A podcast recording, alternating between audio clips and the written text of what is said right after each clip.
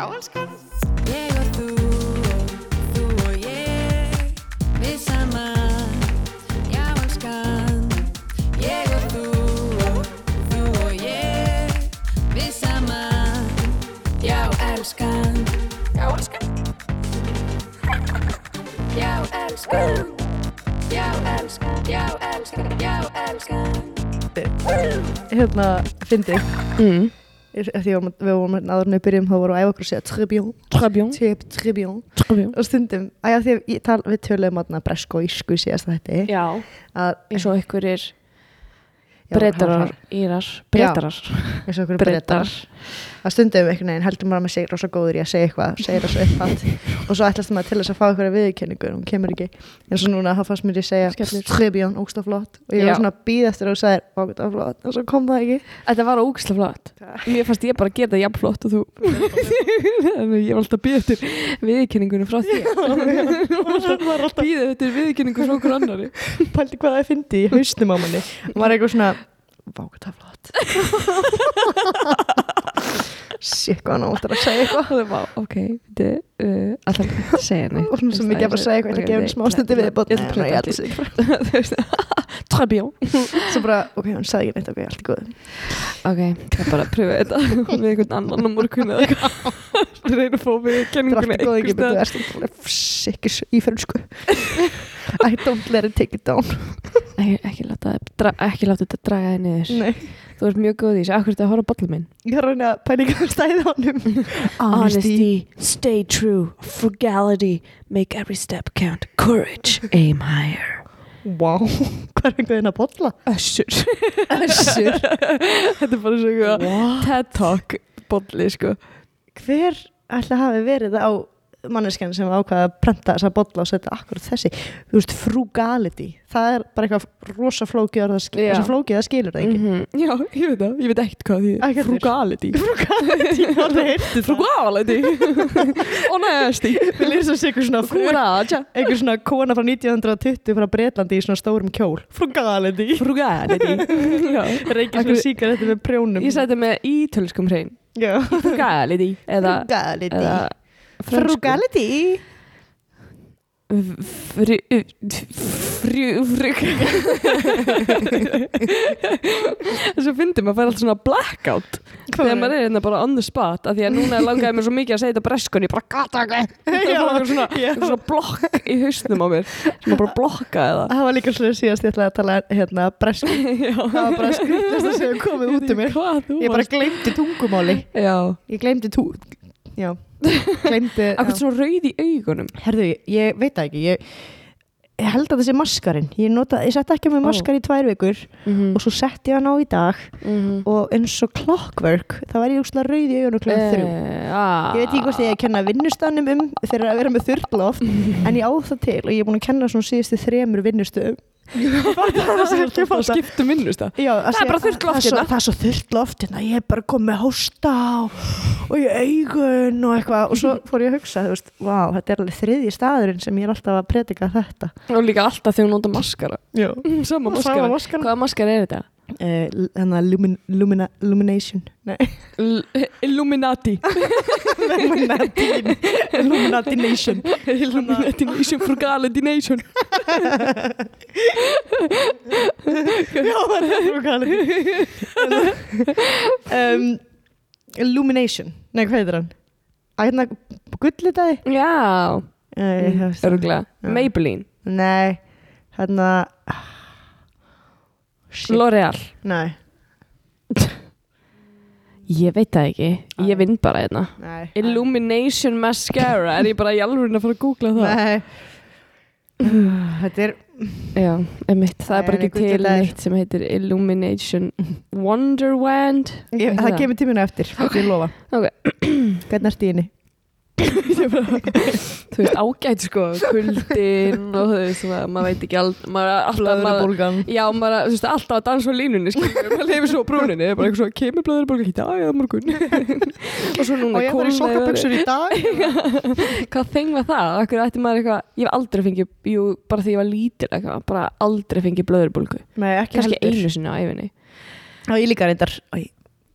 Mér finnst það bara eitthvað svona akkur ámar að vera í sokkabuxum að veturnar til að koma í veg fyrir blöðrubúlingu Nei, það er akkur dögugt maður er ekki verið í sokkaböksum Nei, mann má ekki vera kallt þá getur maður fengið blöðrubúlingu þess vegna ámar að vera í sokkabuxum. Innan undir buksur þá meinar Já, Já, ég ætla að vera að meina að þú stýrst staðan fyrir buksur Nei, þetta var ekki svona bara klæða sér vel. Já, maður Já, en þú veist, hvernig á kuldi að búa til einhverja bakteríu? Mm, Góða punktur. Uh, Leð mér aðeins að grafa í heilan Ég er með þetta knowledge eitthvað staðar Leð mér að Nei, alveg næsand, ég, hérna, ég verða að googla þetta. Nei, er- ætlum sé ekki Já, blöðrubólga er sýking. Ég ætlum að sé ekki undirlegjandi á kuldi Jú. Svona eins og með herpes Ef að þú, veist, þú verður stressaður Þá er þetta undirlegjandi En Já, það er sko þarmabaktería. Mm. er lang algengasta orsök blöðrubólgu, sérstaklega á konum. Já, þannig að maður á að skeina frá klofi og upp. Nei, rass og upp, Frá rass og upp já. Ég Svona- veit aldrei hvort það er. Pröfa að eignast barn, þá kannski myndu e muna það. Já. Það fylgta Tómas ekki rúglega betur en þú. Já. Sko, já, það er sko hérna uh, þvæg teppa. Mm. þá getur maður fengið blöðrubólgu Já, maður næri ekki að pissa. Já, þá er ekki að tæma blöðurinn að fullu sko. Já, já.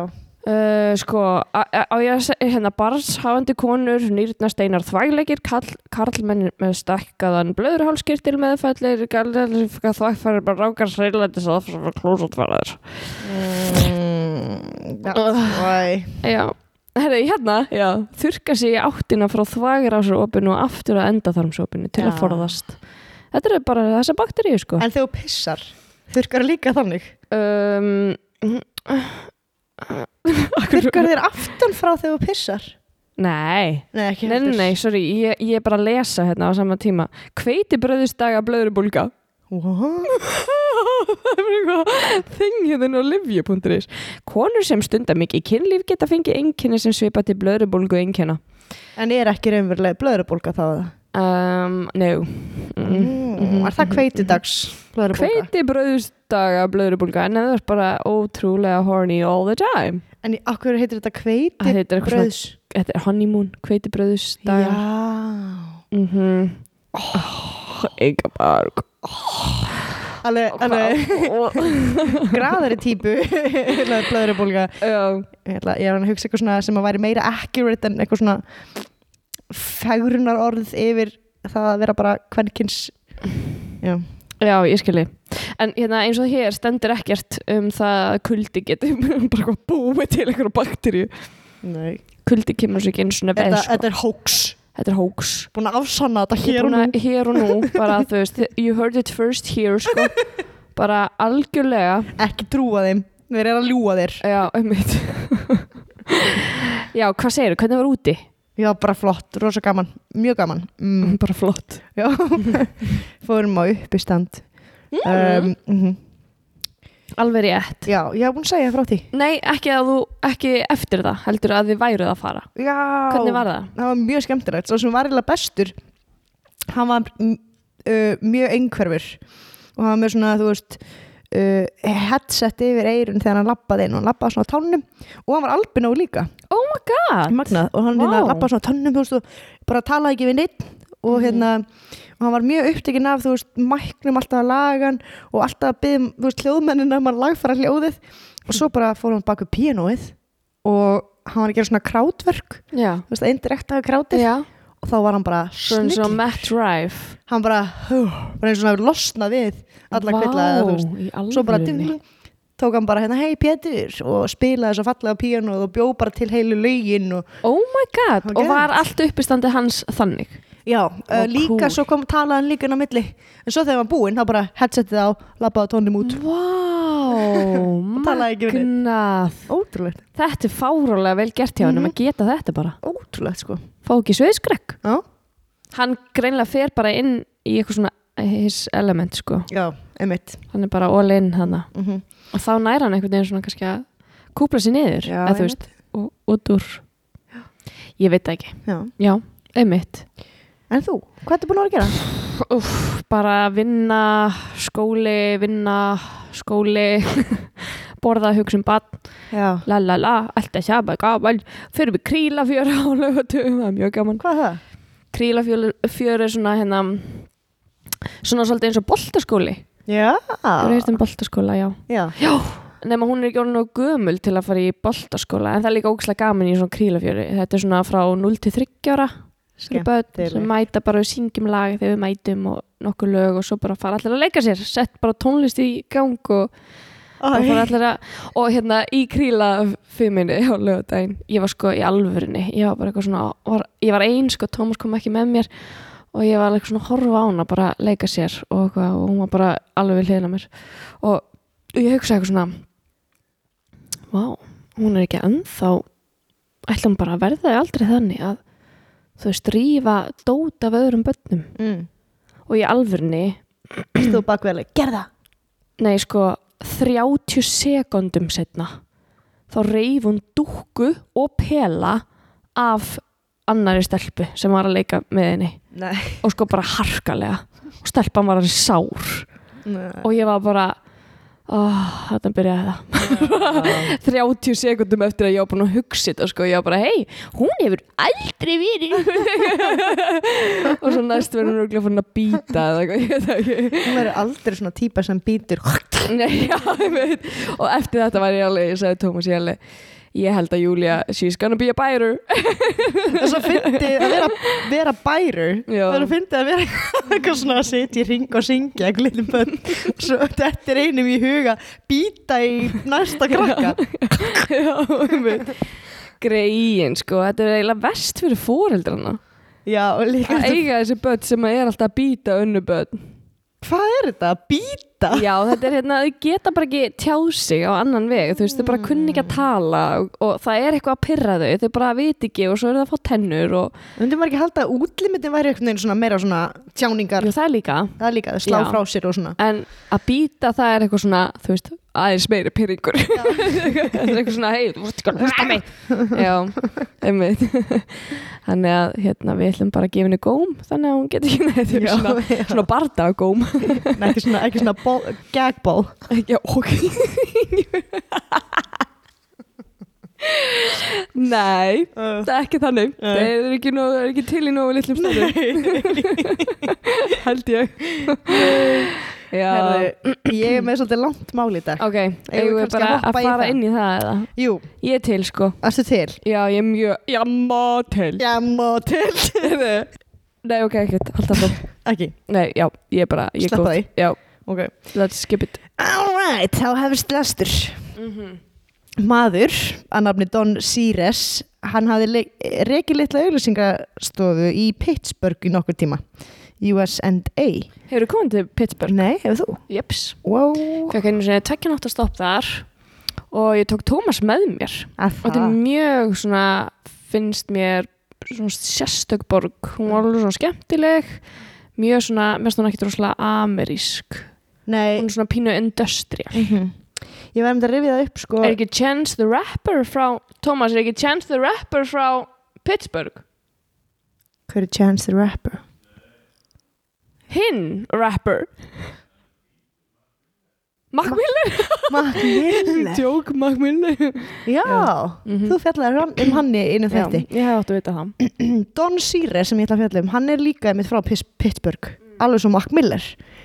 Og hérna, og hann rækka auðlýsingastofu en árið 1954 að þá kaupir stór fjárfestir frá New York fyrirtækið hans.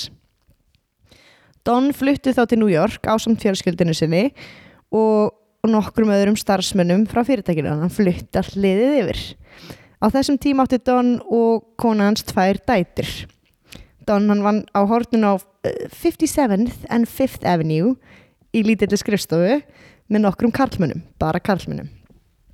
Þeir tók eftir eftir því, 1950 og eitthvað? Já, ok, þannig er svona up and running, industrial New York, þú veist, törtles er að eh, hérna, baka pítsu og reykur og skilur. mm Mm Ok, uh, þeir tók Törtles er að baka pítsu og reykur.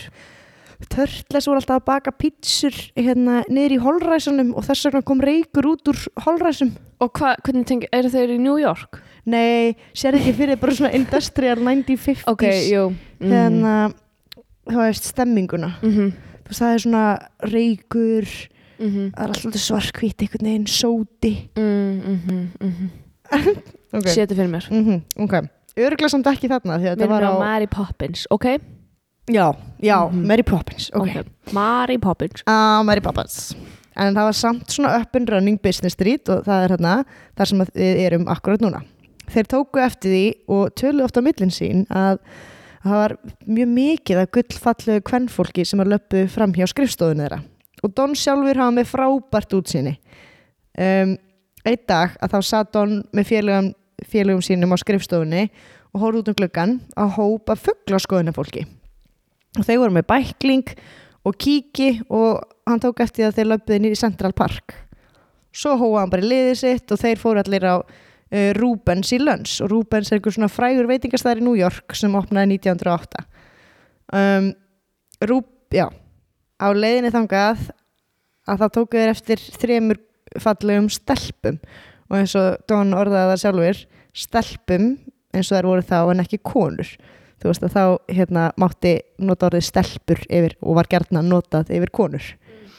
Um, þegar þeir voru svo sesti niður yfir hátegismatinn að þá var einn mannana að uh, vitna í fuglas, fugla, fuglaskoðunarfólkið og hann sagði þú veist, fyrst að þau eru með svona félag sem að fug, fug, fuglaskoðunarfólk er oft með.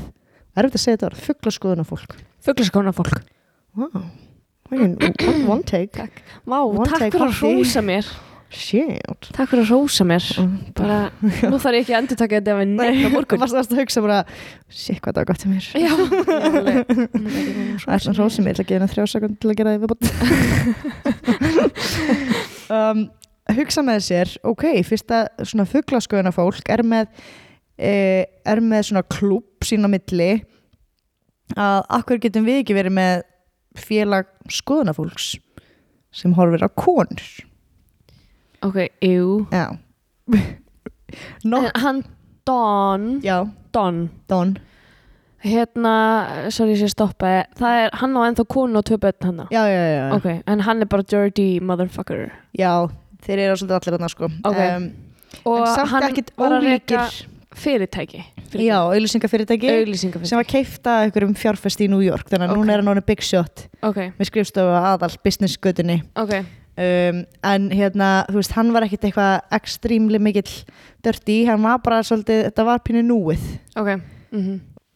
Nokkrum dögum síðar að þá komu menniti saman og þá voru þeir alltaf aftur eitthvað svona að horfa á skvísunar uh, en þeir tók eftir að einn mannana horfði svona mjög aggressíft á konurnar og þá sagði einn hérna, einn að herðu við verðum eiginlega að setja svona nokkra reglur Veist, við viljum horfa á konur, já og við ætlum að stopna eitthvað svona félag að þá þurfum við að hafa ykkur reglur til staðar eins og fuglaskoðuna fólkið og það sem að Don var í auglýsingabransunum að þá fannst hann frábær hugmynd að setja saman leiðsagnar bók eins og fugluna skoðunar fólkið ég myndi aldrei hefði myndi fara að segja þetta svona oft.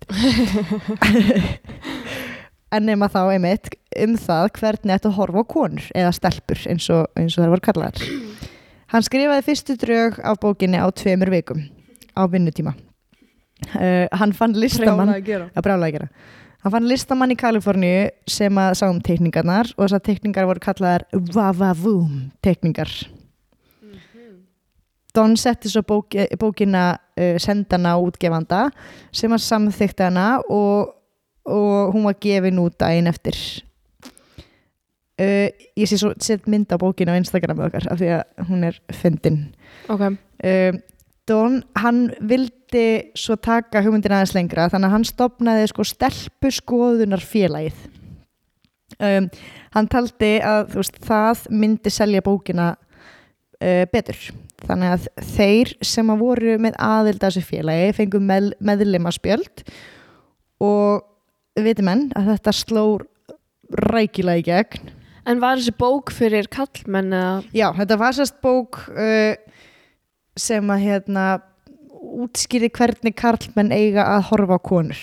Mm. og þú veist, og þá voru líka alveg reglur skiluru ekki snerta þær ekki, ég, ég fer í nokkar reglur Ok, eftir. ok, en hérna uh, sko, já, einmitt þessi bók sló uh, já, þetta, þetta samfélag sló alveg gegn.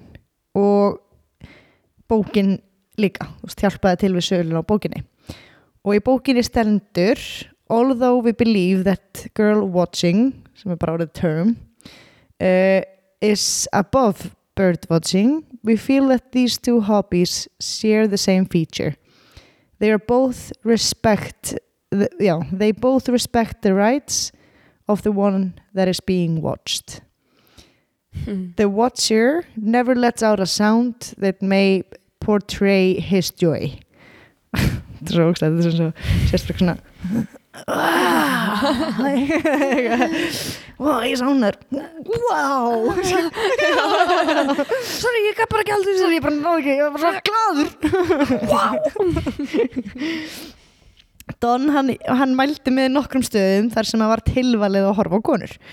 Og þar, þar, þar var meðal annars á 5th Street Avenue á milli 49th Street and 59th uh, og the 58th Street between Madison and the 6th Avenue þessar staðsendingar voru uh, byggingar þar sem að voru mikið af flottum búðum í nákvæmunu það líkur á því að konurnar séu þar Mhm. sagði hann sko. um, Don, hann sagði í bókinni It's never a good taste to look down uh, after having looked a girl in her face. Sem að þú ert ekki að horfa framan í hana og svo brjóstur á henni.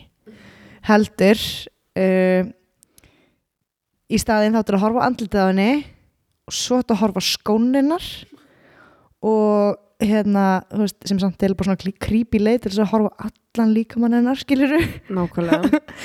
Og, uh, og svo skrifa hann sko After having watched her feet for two seconds raise your eyes without lifting your head.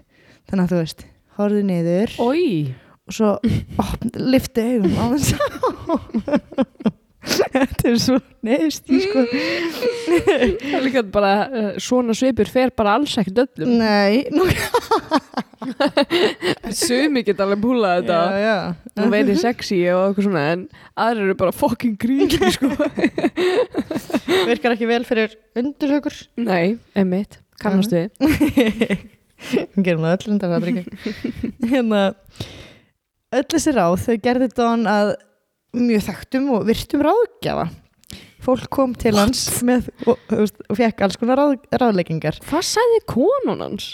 Hún var bara, you go Donny Í alvörunni, já já. Æ, nei, örgulega ekki, en hérna þú veist, hún var bara stilt stelpa. Um, eins og til dæmis ítalst, ítalst framleiðslu fyrirtæki sem vantaði aðstofið að kynna nýja bíómynd og svo var síkarettu framleiðandi sem óskaði eftir aðstoð frá Dawn við að framleiða við framleiðslu á nýri auðlýsingar herrferð sem hétt White Coated Lab Loon en í þeirri auðlýsingu þá sér þau konu gangandi í svona slow motion á skrifstofunni á einhverju skrifstofu í hvítum slopp og með risastór brjóst. Og bak við hana er maður sem er að fá sér sopa á svona vassbrunni en vatni fer allt bara í andlitið á hann því að hann er að stara á konuna. stara, já. já. Á skóna hennar. Já, á skónunar tekstin í auðlýsingunni skrifar eh, var eftirfærandi ekki blekkjafst af búningi konunar hún er ekki vísindamaður heldur stelpa sem vil sanna sig eh, bæði fyrir sér og fjölskyldinu sinni. Hún þarf að sanna það að hún sé með heila og hún þurfi eh, og hann þurfi já, þurfi einhver tíman að keppast við karlmenn. Já, ok, sorry. Að e- ef hún þurfi að keppa, keppast einhver tíman við karlmenn þá getum það. En í rauninni það langar hann ekkert að keppast við karlmenn heldur vill hún kynnast manni uh, verða ástfangin og giftast. Stelpu áhorfamenn eða girl watchers eiga ekki að leifa þess að tröfla sig. Hins vegar ef stelpan er áhorfanleg að þá maður að horfa á hana sama hver raunverulegt ætlunarverkanar er. Þú veist þannig að sem sagt ef þú ert girl watcher þá ættu ekki að sko leifa svona konum að trubla þig af því að þær eru allar með eitthvað svona hidden agenda. Það eru bara þykjast sagt um, þykjast geta mætt karlmanni skilur Já. en í raun og veru það langi en bara giftast. Um, og svo segja þær hérna og sama gildur um síkaretur ef þær eru reykjanlegar að þá á bara reykja þær. Og ég myndi veist, með konundar að, að þú veist, ekki blekkast af þessu en samt, ef þær eru myndalegar horfðu á þær. Sama með síkaretnar þær eru reykjanlegar, reyktu þær. Mm. og svo kom bara eitthvað Paul Mall cigarettes. Reykjanlegustu reykjar síkarettunar þetta var bæði, bæði texti þú veist, á auðlýsingunni Í alvöru? já, og það er ekki alltaf ungu texti að lesa. Uh, kemur svona, svona skot úr, úr botnunum og skjánum svona Já, já. eins og flugvilu eins og þannig byrjun á hverju bíómynd mást í gamla þetta þannig að já, endar á starf og svo endan, það. já, já, akkurat það sem ég hugsa ímyndaði mér. En- en mjög hratt einhvern veginn. Já, einmitt. Já, tjóða það rætt, þannig að enginn lesa auðlýsingin hún hvatti líka menn til þess að ganga í samfélagið veist, girl watching uh, community og lísti þessu sem men's favorite sport. Um, og já, þetta men's favorite sport það var auðlýsing í Life Magazine. Árið 1962 gaf Life Magazine svo út fjór, fjögra blað sinna lýsingu á girl watching. Life Magazine lísti þessu sem uh, já bara þú veist þessi orð hafa aldrei verið notuð tvö saman. En hérna þú veist, fjórar blaðsýður um hvað það þýtti og hvað það var og svona. Um, Don sagði að þetta hafi alltaf verið bara svolítið svona þú veist bara grín, en samt virðingavert grín en þetta varð að bara svona orðatiltæki þú veist það var thing. Hann vissi alltaf hvað girl watching var. Um, samfélagi held áfram að stækka og umfram það sem að Don hafði gert sér vonir um og árið 1962 þá skrifar The Alternative Press heilan kabla uh, nei um heilan kabla í bókinni og þá er vitnað í samfélagið nema þá heitir það The International Society of Girl Watchers. Þá er þetta orðið þú veist alþjóðlegt. Fleiri komnir í hópin ok, 140 vísindamenn komu svo saman hérna, uh, til þess að skrá niður kenningar og, og bera saman bækur á meðan þeir kíktu á konur. Hérna, þú veist, þetta var orðið svo stórt. alveg, girl watching is a thing þú veist, og það er eitthvað Vá. samfélag og við þurfum að þú veist, rannsaka þetta. Þannig að 140 vísindamenn koma þarna saman og uh, þú veist, á þessa business götu og í New York og eru svona þú veist, hérna ætlunarverkið er að koma upp eitthvað kynningar og, nei, kenningar og eitthvað svona. En uh, raunveruleikin var sá að, að þeir í rauninni töluðu ekki um neitt annað en heitar gælur þannig að koma aldrei neitt út úr því. Voru aldrei neinar vísindagreina byrtar Nei. eða neinar rannsóknir? Nei, við erum alltaf bara, oh, check this one out og svo Mhm. byrjaði þetta. Já, um, já þetta, er, þetta er mjög stygt en hérna, mjög. Joe Begin hann var forseti samfélagsins. Hann vann við almannatengsl, hann var sköllóttur og var sex barna faðir, bara svona mjög típiskur heimilisfæðir hann sagði A good watcher is one who is uh, sly enough not to let the girl know that she is being watched. Alveg, ok. Og hann gaf uh, ráð varandi bestu tæknina til að tilenga sér. Hann segir að um, a seeker sé watcher sem er nægilega veist hann stendur á götuhorni og hann heldur á dagblaði og svo nær, nær hann svona gæjast fyrir ofan blaðið á meðan stelpan lappa fram hjá honum. Það er sneaky, það ertu seeker. You're good. Svo er annar ráð sem hann kallaðist the neck twister og þá var maðurinn að þykjast klóra sér í hálsunum og, og getur þá snúið hálsunum sem til hliðar í leiðinu og fylgst með konunni. Svo er það the shoelacer segir sér sjálft, setur löppin upp í gluggakistu og svo veist að hérna, reyma skóna þeina og lítið til hliðar. Það minnir, bara, mig bara á gæðvegt mörg svona movie scenes í eldgömlum eða frá gömlu tímanum. Já. eða skilurðu, svona, hérna, Marta þessi byrkt á einhverjum Já. þessari bók já, getur verið sko. Hann var alveg the man. Hann Mhm. um, Looking through the empty cocktail glass at a bar er líka move sem var í bókinni. Mm.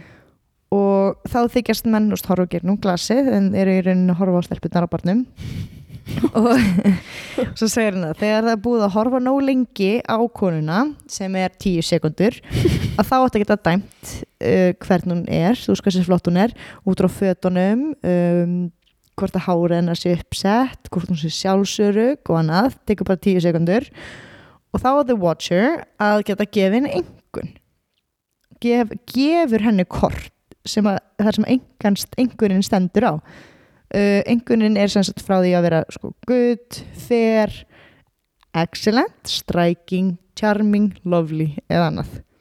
Var rosalega mikið á góðum eða svona extravagant lýsingum Já, og með það bara good, fair svo bara lovely og excellent. excellent og Það myndi alveg að fá bara eitthvað einhver svona spjald í hendunar good, yeah, you, you, you're good. You're, you're, you're good. einmitt, án þess að vera, án þess að vera að byggja um það. Já um, og hans, og hvað ætlaði að fá út úr þessu? Er þetta bara áhugamál? Já, þetta er bara áhuga mál sko. Þetta er auðvitað bara svona eitthvað Engin tilgangur með þessu. Nei, þetta er bara er eitthvað að normalisera catcall calling, Já, já, já, þetta ekki? Það voru mittlusir Já. Árið 1962 hittist hópurinn fjóru sinnum ári í San Diego. Það voru um 500 menn sem voru meðlemir í samfélaginu á þessum tímapunkti og þeir voru allstaðan að úr heiminum. Já, þetta var orðið international International, Mr. Wild, girl watching. Mr. Worldwide Mr. Wild, girl watcher. Don, hann var aðalmaðurinn og í kringum 1970 þá kom hann í The Tonight Show. Það var fyrir Jay Leno. mm. Ég googlaði það. mm Uh, árið 1967 var, var hann um svo bóðið til Montreal þar sem hann held upp á Girl Watching Week Viku, Já, heil vika. Jésús minn. Hann er bara eitthvað og hann hefði fattað upp á okkur Girl Watching. Og fyndi það svo, fyndi hvað hérna, allir er að gefa sem til fótinn af því að Mhm. nokksins kemur bara einhver sem að viðkennir að það sé alltaf lægi að horfa á Mhm. og götu. Mm -hmm. allir bara eitthvað nice. This guy. Nákvæmlega. Árið 1967 já, sorry, nei hérna kemur það. Pepsi nálgæðist svo Don og þeir óskuðu eftir aðstöðans að setja upp sko, að markasetja Diet Pepsi til girls. That girl watchers watch. Oh my god. Alveg, drink Diet Pepsi girls because you're a girl that girl watchers watch. Alveg það, það sé ekki ekki hrós að Já, þig. einmitt. Setni hluta 1960 þá var mikil ólga í bandaríkjunum. Uh, fólk var farið að mótmæla í auknumæli hvítum karlmönnum í valdarstöðum einn af þessum hópum. 1900, uh, og 60 ok einn af þessum hópum var sjálfsögur konur og Mm. árið 1968 þá var feminískur hópur að mótmæla fegurarsamkeppnum og þau mótmæli átt sér stað fyrir utan ráðstefnum viðstöði Atlantic City. Bæði við hefum komið til Atlantic City mástu? Já, girl, yeah. Girl, það var rosalegt. Mm en sem sagt, þessi, þessi mótmæli átt sér stað fyrir utan þar sem að fegurarsamkeppnin var eh, sagt, í gangi -hmm. og þarna sem sagt e, voru svona hvernréttindar hreyfingarinn á fæti í bandaríkjunum. Og fjölmiðlar pikkuðu þetta upp og mótmælendur þeir voru kallaðir hérna já, þeir kölluðu sem sagt mótmælendurnir fegur og sangefni a degrading mindless boob girl syndrome. Nei, symbol. Syndrome. Heilkennið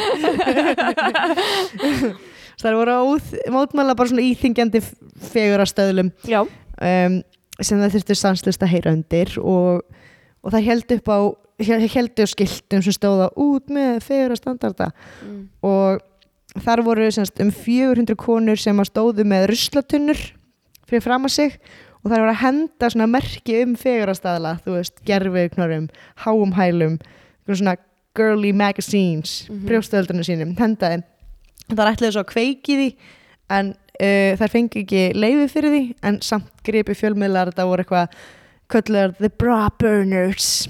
Um, en hérna á meðan þetta gerist að þá var sagt hópur karlmanna 600 talsins uh, talsinn, já sorry, já, já, já að hérna á meðan þetta var að gera sérst einu megin við veginn að þá stóðu um 600 menn hinu megin við veginn og var að mótmæla því að þær voru að gera þetta. Nei. Jú. og þeir sögðu, þú veist, þið ég hendi ykkur sjálfum í ruslatunnunar uh, Nei, þið. Þið.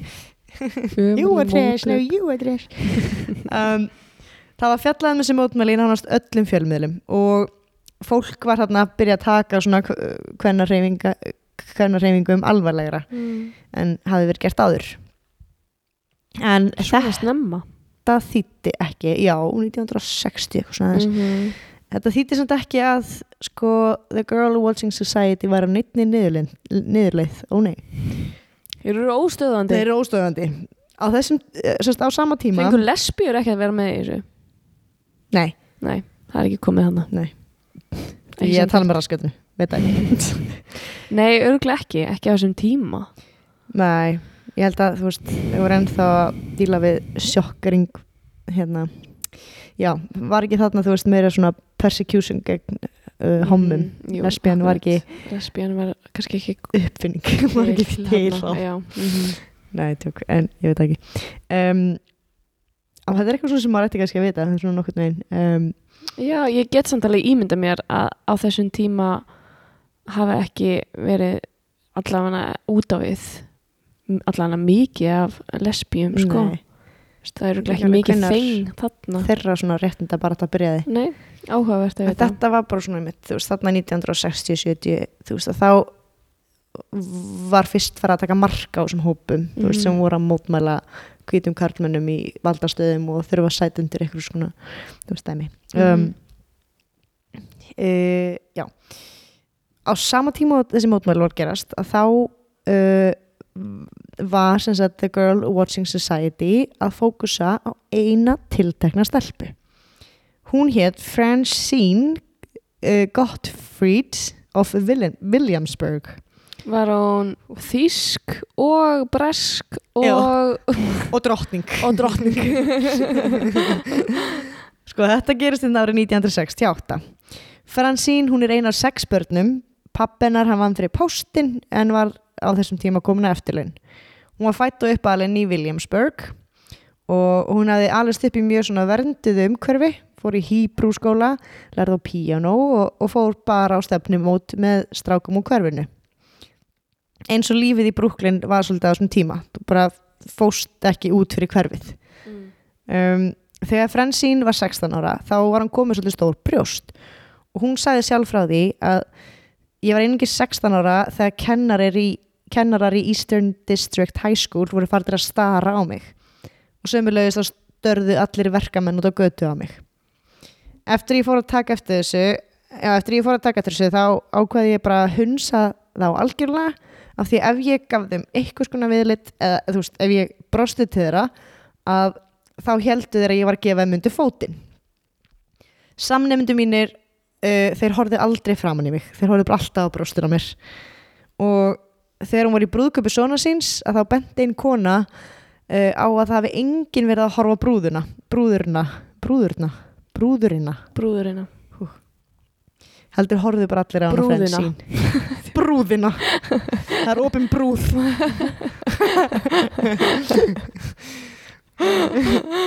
Ég er, ég er að reyna að hugsa svo mikið annað eitthvað. Þetta er að reyna að halda áfram í djókinu Ég er að stoppa mig bara af hér og nú. Ég get það ekki.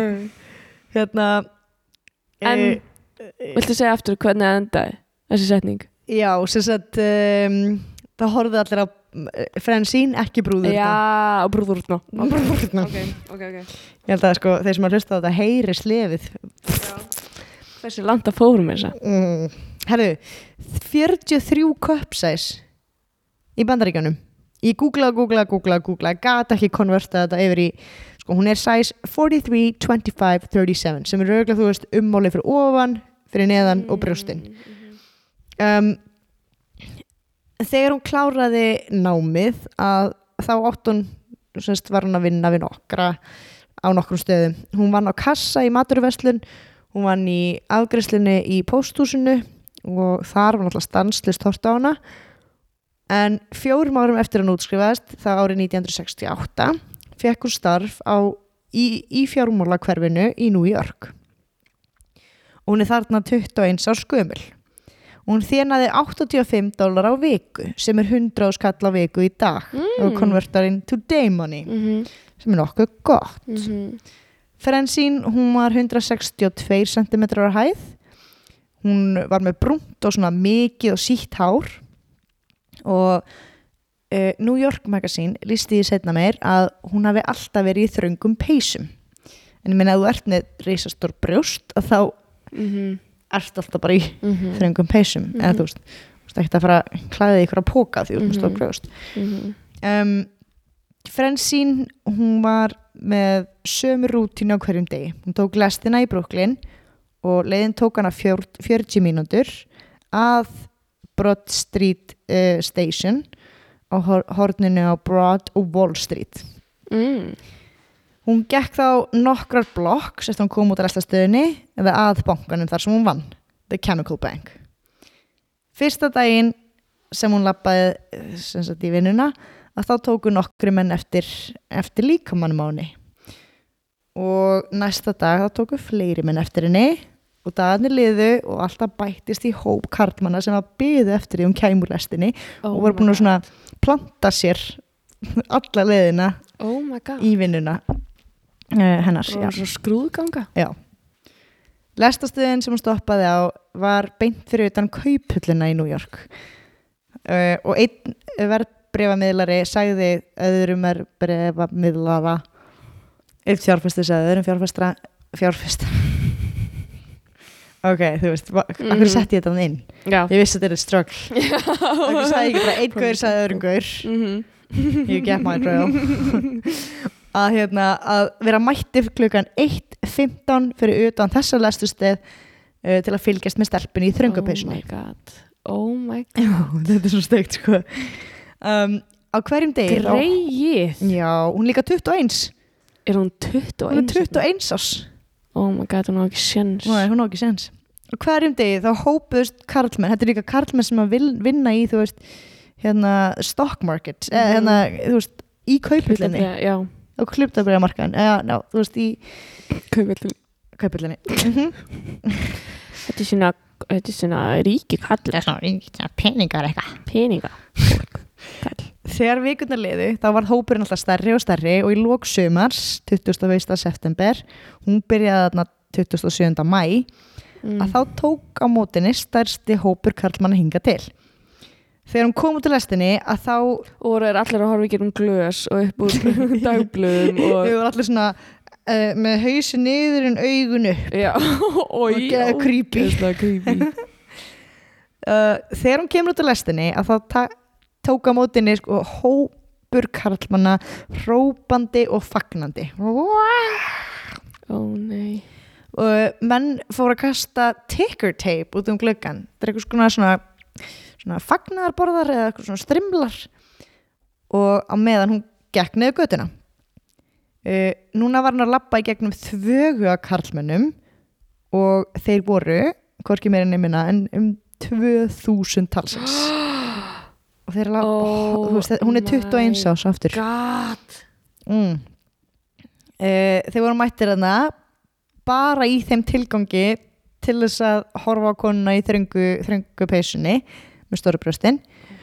Af því að kauphöllin var miðl, nei hún var hérna lokuð á miðugutum þannig að þeir hafa gert sér bara sérferð til að horfa á hana.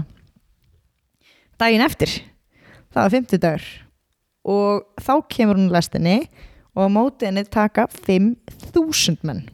Hættu. Dæin eftir? Já.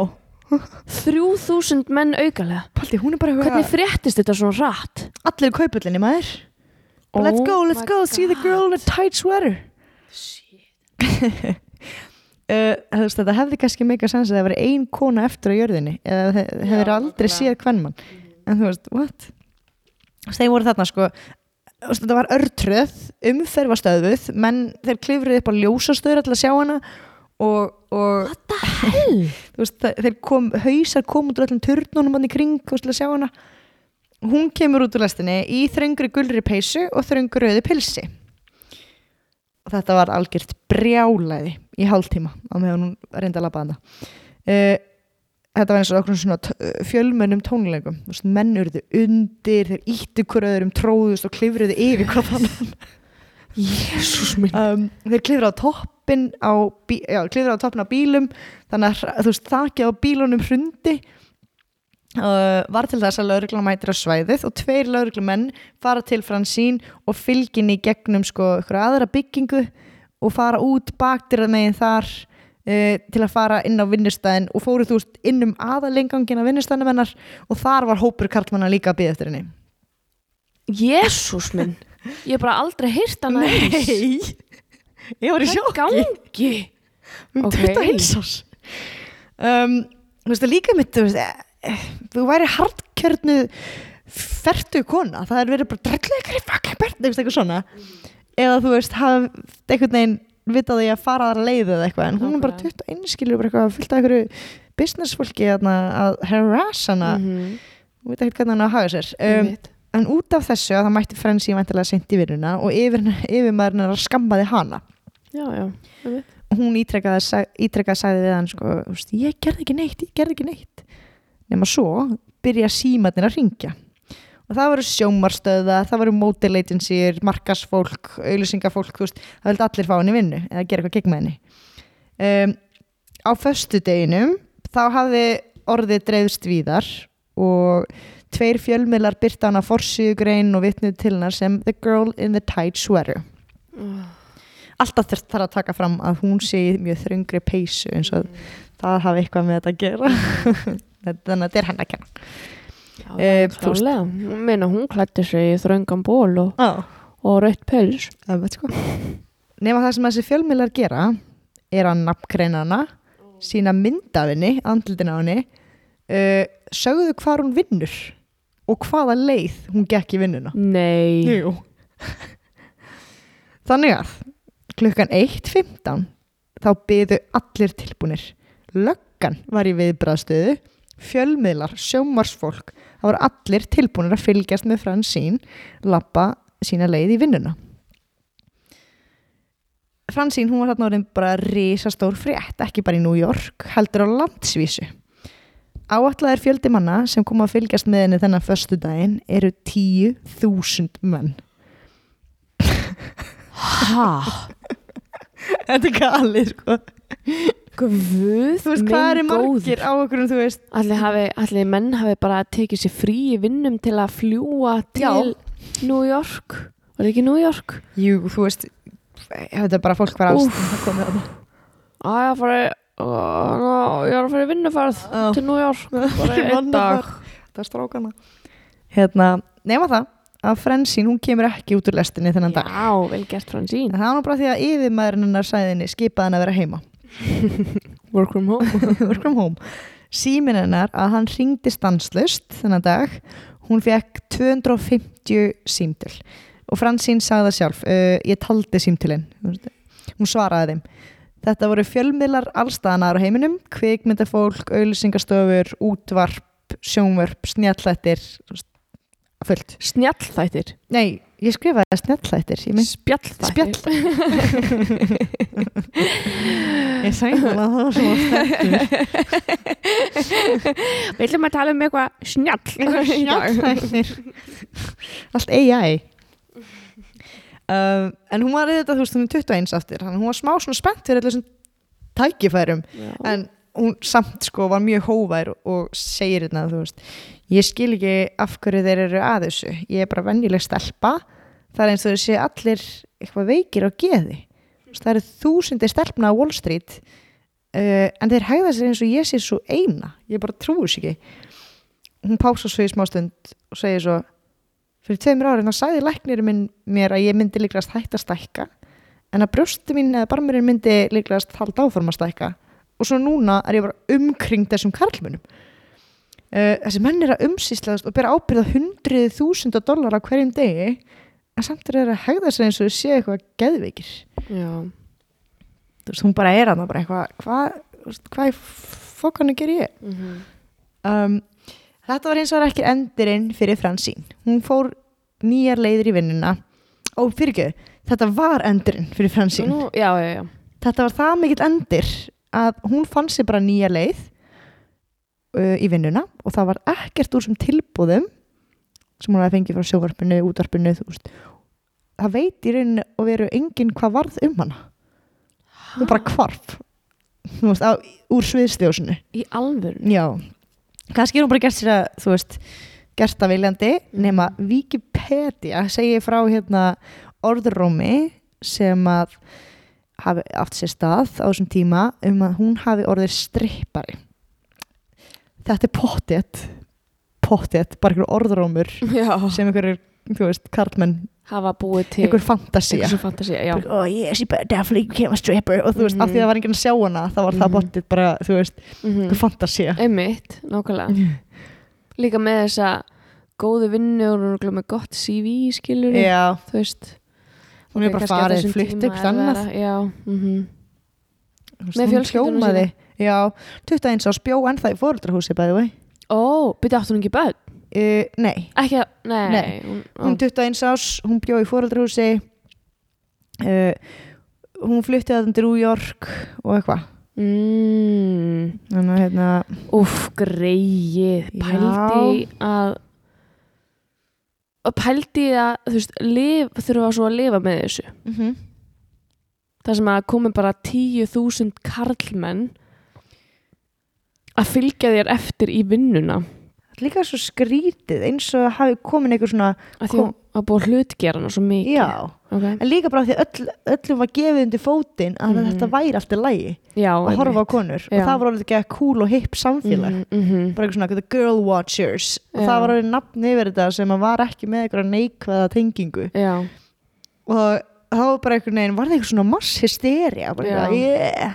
Mm og enginn Ég hlusta bara að hugsa bara kannski þetta dóttir einhvers? Já, einmitt. Já, nákvæmlega. Sorry, ég var að ruggla Don, Don, Dom. Já, og henni saman, hann átti tvær dætur. Já, já, hann átti tvær dætur. Sorry, ég var að ruggla saman. Nei, já, pældu í þessu. Og maður veit ekkert hvað hún er í dag. Nei, það veit ekki hvað hún var sem hann kíkja á Facebook? Hún er örglega búin að breyta nafninu sínu. Örgulega Pottjett googla eftir smá. Já, Já, þú googlaði minni, klára. Já. Þessu var samt ekki lokið um, að því að í kringum landið að þá hefðu útvarpsmenn heyrst að þessari tvítu stórbrjósta konu sem vakti svo mikla aðtikli og þeir vildu sína fram á kærustuna þeirra og væri með stærri brjóst. Þannig að einn útvarp, útvarpsmaður e, í Cleveland, hann sen- sendi, tva, sendi, mhm, sendi tvær stelpur, Sheila Moore, 21 ás, mhm. og Susanne Silkovski 25 ára til að lappa sömu leið og Fransín hafði lappað og sama dæmið gerðist aftur. Karlmenn bara hópuðust fyrir utan lestastöðuna klukkan 1.30 og einn mann leist þessu sem sko miklu betra en heimsmeistramótið maður. Og annar Hollywood-gaur sem hétt uh, Jerry Stotts hann sendi konuna sína á barnsmóður sem var 21 árs. Hann var 36 held ég. Uh, hann sendi hana sömuleið og sagði þetta er þinn dagur sko mín, góða skemmtun. Mhm. og hún var með svipa stór brjóst og fransín og hún lappaði niður uh, það sem var nú kallað the, sweat, the sweater já, the sweater girl derby. Það var leiðin sem hún hefði lappað Ok, og þetta var minna en mánuður síðan að þessi mótmæli þannig að fyrir utan fyrra samkeppnina hefði átt sér stað. Uh, en árið 1970 gerðist svolítið kúl að bara hópur af kvenréttindar baratu fólki mætti á Wall Street og í mótmálaskinni catcalliði fullt af körlminnum bara. Og bara eitthvað hey sexy yes einmitt, geggja. Um, Don Sawyers hann skrifaði setna að Miss America Protest þar 1968 uh, hafi verið upphafið af dauðanum á girlwatching svo bætti hann við uh, svo tók við þessi bylgja in the 70s and 80s þar sem hann mátti ekki tak, lengur nota þetta fallega orð stelpa en ég á fimm systur og fjóra dætur og ég sé sjálfa mig sem feminist, feminista mm. hann bætti við en helsta afreg og aðal mikilvægsta afreg feminista bylgjunar er að konu fái aðeins meiri tækifæri í, í íþróttum Mm.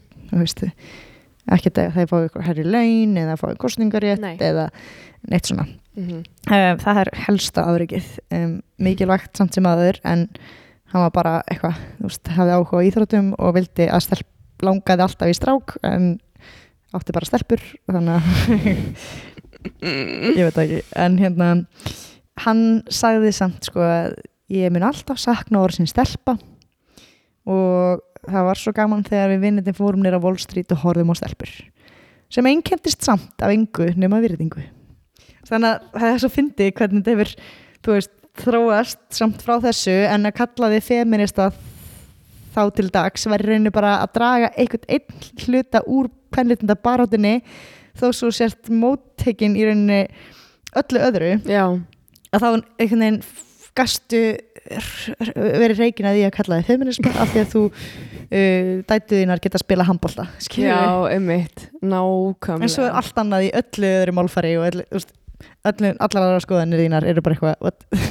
Oh my god og það var svona svo epic þegar við fengum að segja hei við við þurfum að kíkjum á stelpunar og það var svo góða tíma við strákunir Já, einmitt. Þetta er ógeðslega klikka Þetta er svo gali dæmi sko líka svo hérna, einmitt, bara í öllum heimildum öllu saman. Mm það er alltaf lögð svo mikil áhersla á þessa þröngu peysu. The Já. girl with the tight sweater. -hmm. ekki bara þú veist, stelpan heldur. Já, einmitt. The tight, sweater, eins og það hafi verið eitthvað svona that's why. Mhm, Nákvæmlega. Ég er að skoða hérna einhvern post á Facebook. Mm. þar sem einhver er að segja tala um hana eitthvað on this day eitthvað 1968 Wall Street or bust 15 minutes of fame eitthvað svona hashtag Wall Street of bust. Uh, og svo, svo segir þessi author af þessum posti, hann segir hérna uh, still looking for a Francine Gottfried. Are you in the house yet? Og svo kemur einhvern check comment section for more, more photos. Og það er ein sem að kommenta hérna uh, að hún hafi unni með S.A. Marinelli nei, þetta er kallmaður, okay. held ég nei, ég veit ekki uh, hérna að ég vann með henni í Chemical Bank og hún leit út fyrir að vera mjög næs stelpa mm. það var allt mjög skríti og þá kommentar óþörinn að þessum posti eitthvað svona hei, þú ert fyrsta manneskjan sem að þú veist uh, sem að ég hef talað við sem að vissi hver hún var eða þekkt hana síðan ég postaði þessu árið 2013 þetta var sko, þetta er postur frá tömmu vikum síðan. Já, ok. Og hérna þú veist, eru einhverja fleiri einhverja fleiri dítela sem vil deila um þetta? Já, og þá segir þessi Marinelli að hérna uh, hún hafi einmitt þurfti alltaf að taka lengri leiðina. Mm og allt sem ég man eftir er að á hérna skrifstofunni, skrifstofunni var eiginlega vann eiginlega uh, f- meira meiri hlutin var kvennfólk í rauninni mm. uh, og það var allt brjálega yfir því að þegar þær heyrði það að kallmenninir væri að flauta á hana og kommenta á, á hvernig hún var og eitthvað svona mm. þegar hún var að lappa um, að því að hún sagði sko við vorum allar frekar svona að hissa yfir þessu út af því að veist, hún leit bara mjög eðlilega út. Já, hún, Þú veist, hún var bara með stór brjóst. Einmitt hún, big bust. hún lítur bara rosa eðlilega út. Hún er Já. ekkert eitthvað svona uh, þú veist já, mm nákvæmlega. Og svo bara segir hún hérna sko she did not seem distressed. Mm. It was more like she was surprised and amused by the whole thing. já Svo... sérðu hvernig hún lítur út Já, setja náttúrulega myndir af henni sko þetta, er- hún er all, lítur alveg eins út og hairspray. já, Aðal konan í, stelpan Já. í hairspray. veist, hún var ekki með stökt síthár heldur hún með stutt og svona mikið upp í loftið Já, einmitt. mjög fyndið sko Já. ég se- ég setja náttúrulega myndir af þessu á Instagramið Mm Já, En alveg klálega. Þetta er magna dæmi Mm Og alveg margir hérna sem eru að kommenta bara eitthvað, hei, vá, ég vann hérna á þessum stað og ég man ógislega vel eftir þessu. það, Já. Mm pældi hvað þetta er steikt -hmm. þetta er svona eitthvað svona undirliggjandi urge Do you remember the Miss Subway posters on the trains? nei, Jú. Vá. Ok, sorry, ég, hvað já, varstu þetta að er segja? eitthvað svona undirliggjandi þú veist, löngun Mm og þeir eru svo rétt viðurkenningarskjál Mhm. sem leiði þér að akta át á þessu löngun. Já, og þá bara eitthvað svona ah, bara, let's do this. Já nákvæmlega. Það pældi ég hvað það er klikka að þetta bara sé bara eitthvað svona opni bara, það er svona braud ísin, já, bara fyrir alla til að haga sér eins og við vildu. Hérna Já, hei, þarna er verið að kompera John Travolta í hairspray. Já, þetta er John Travolta. Já, holy shit. Hann leikur hérna uh, mömmunar einmitt, þess að þetta er að líka henni við John Travolta í Hairspray. Mm -hmm. um, og svona bara mjög svona sæt þú veist, en ekki svona kannski eitthvað sem við tengjum við Já, mögulega bara á þessum tíma mjög falleg. Mm En með einmitt. Stóru brjús brisa júlur En þarna er hún bara mynda henni bara skælbrósandi fullt af kallmönnum í bakgrunn Það er svona sko. lítur út fyrir að hún hafi ekkert verið að hata þetta neitt endilega. Nei, hún, en svo kannski hún fengið bara sjokk veist, hún, bara hún var meira bara svona þú veist, hljómanis fyrir mér eins og kannski svona bara mjög, þú veist, innocent. Hún hefur bara, Já, var, já, var í, þú veist, Jewish skóla já. var alltaf bara svona að deyta, þú veist, the local boys og og svo þetta bara normið. vernduðu umhverfi. Já, þannig að þú veist, hún veit ekkert hversu hérna hvað er slæmt. Já, hún- she's og svo í þokkabóti búa að normalisera þetta. Já, með því að þú veist það bara má gera þetta því að Mhm. allir hinn eru að gera þetta og svo bara verður þetta eitthvað svona múæsingur og já, hérhæðun já, einmitt sko, og þú ert bara 21 árs, þú veist ekkert Mhm.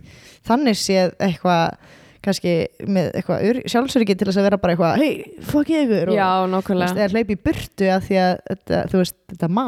Mm tækn, Nákvæmlega, í, í má. svega Já, þetta má. það má. Þannig að þú ert bara eitthvað búin að vera í mjög, tíma mjög svona, þú veist, guri guri umhverfi og uh, þú veist ekkert í rauninni. Mm þessi kallar er líka bara vinna í Wall Street og -hmm. hún er svo flottir í jakkafötum og vita náttúrulega miklu betur og hún er komin aðna til þess að þú veist sanna sig í sama geira og Mhm. að margt í þessi Nákvæmlega. It's a crazy thing. Ótrúlegt að þú bara fannst þetta. Já, Þetta er magna dæmi þetta, já þetta, Aldrei heyrt þetta. Nei, Það er svo ógeðslega mikið sem við höfum aldrei heyrt af þessu og maður er bara eitthvað svona What, akkur vissi ég ekki um þetta? Var skilur- svo miklu skemmtilegri í hérna partíum að geta komið einhvern hey, fun fact. Fun fact? Þú tekur svona fun facts. Ég tek alltaf Leonsi. Ég syngi alvörunni alltaf Leonsi í öllum partíum. Síðast bara í brúðköpi fyrir tveim viku síðan. Hjá, hjá hvernig varst í brúðköpi? Hjá frænda mínum já, alveg rétt, Frendi mín var að gifta sig Já, frendi. Var gaman? Var. Það var ógeðslega gaman. Mamma búin að segja mér frá því að það verið geðveikt. Já, Æði. það var alveg geðveikt sko. Og bara svaka stuð og bara svona, já. Okay. Mjög gaman, mjög skemmtilegt. Wholesome og nice. Hólsam og næs og það þurfti að henda okkur út úr salnum. Já, Ég var í miðju, engin þríkantur hér, lægi, þegar konan kom bara slögt á tónlistinni. nei Jú, og bara eitthvað, sorry, ég bara, nú verðum við bara slökkva, sko. Þú veist, þá var DJ-n farin já. og við vorum komið okkur eigin tónlist og svo var ég bara hana. að DJ varst þú á sviði hann að syngja þetta lag? Já, mm Alveg eða þú veist, það var ekkit svið, ég var bara á dansskólunum með mikrofón. ég var ekki einu sinni, þú veist, það var ekki einu sinni alkohólprósent af neinu ráði í blóðinu Nei, sko, þetta er bara, þú ég þarft ekki einu sinni að borga mig fyrir þetta. nei, nei, ég bara ég tengi I við sko. love me some Beyoncé. Nei, Beyoncé.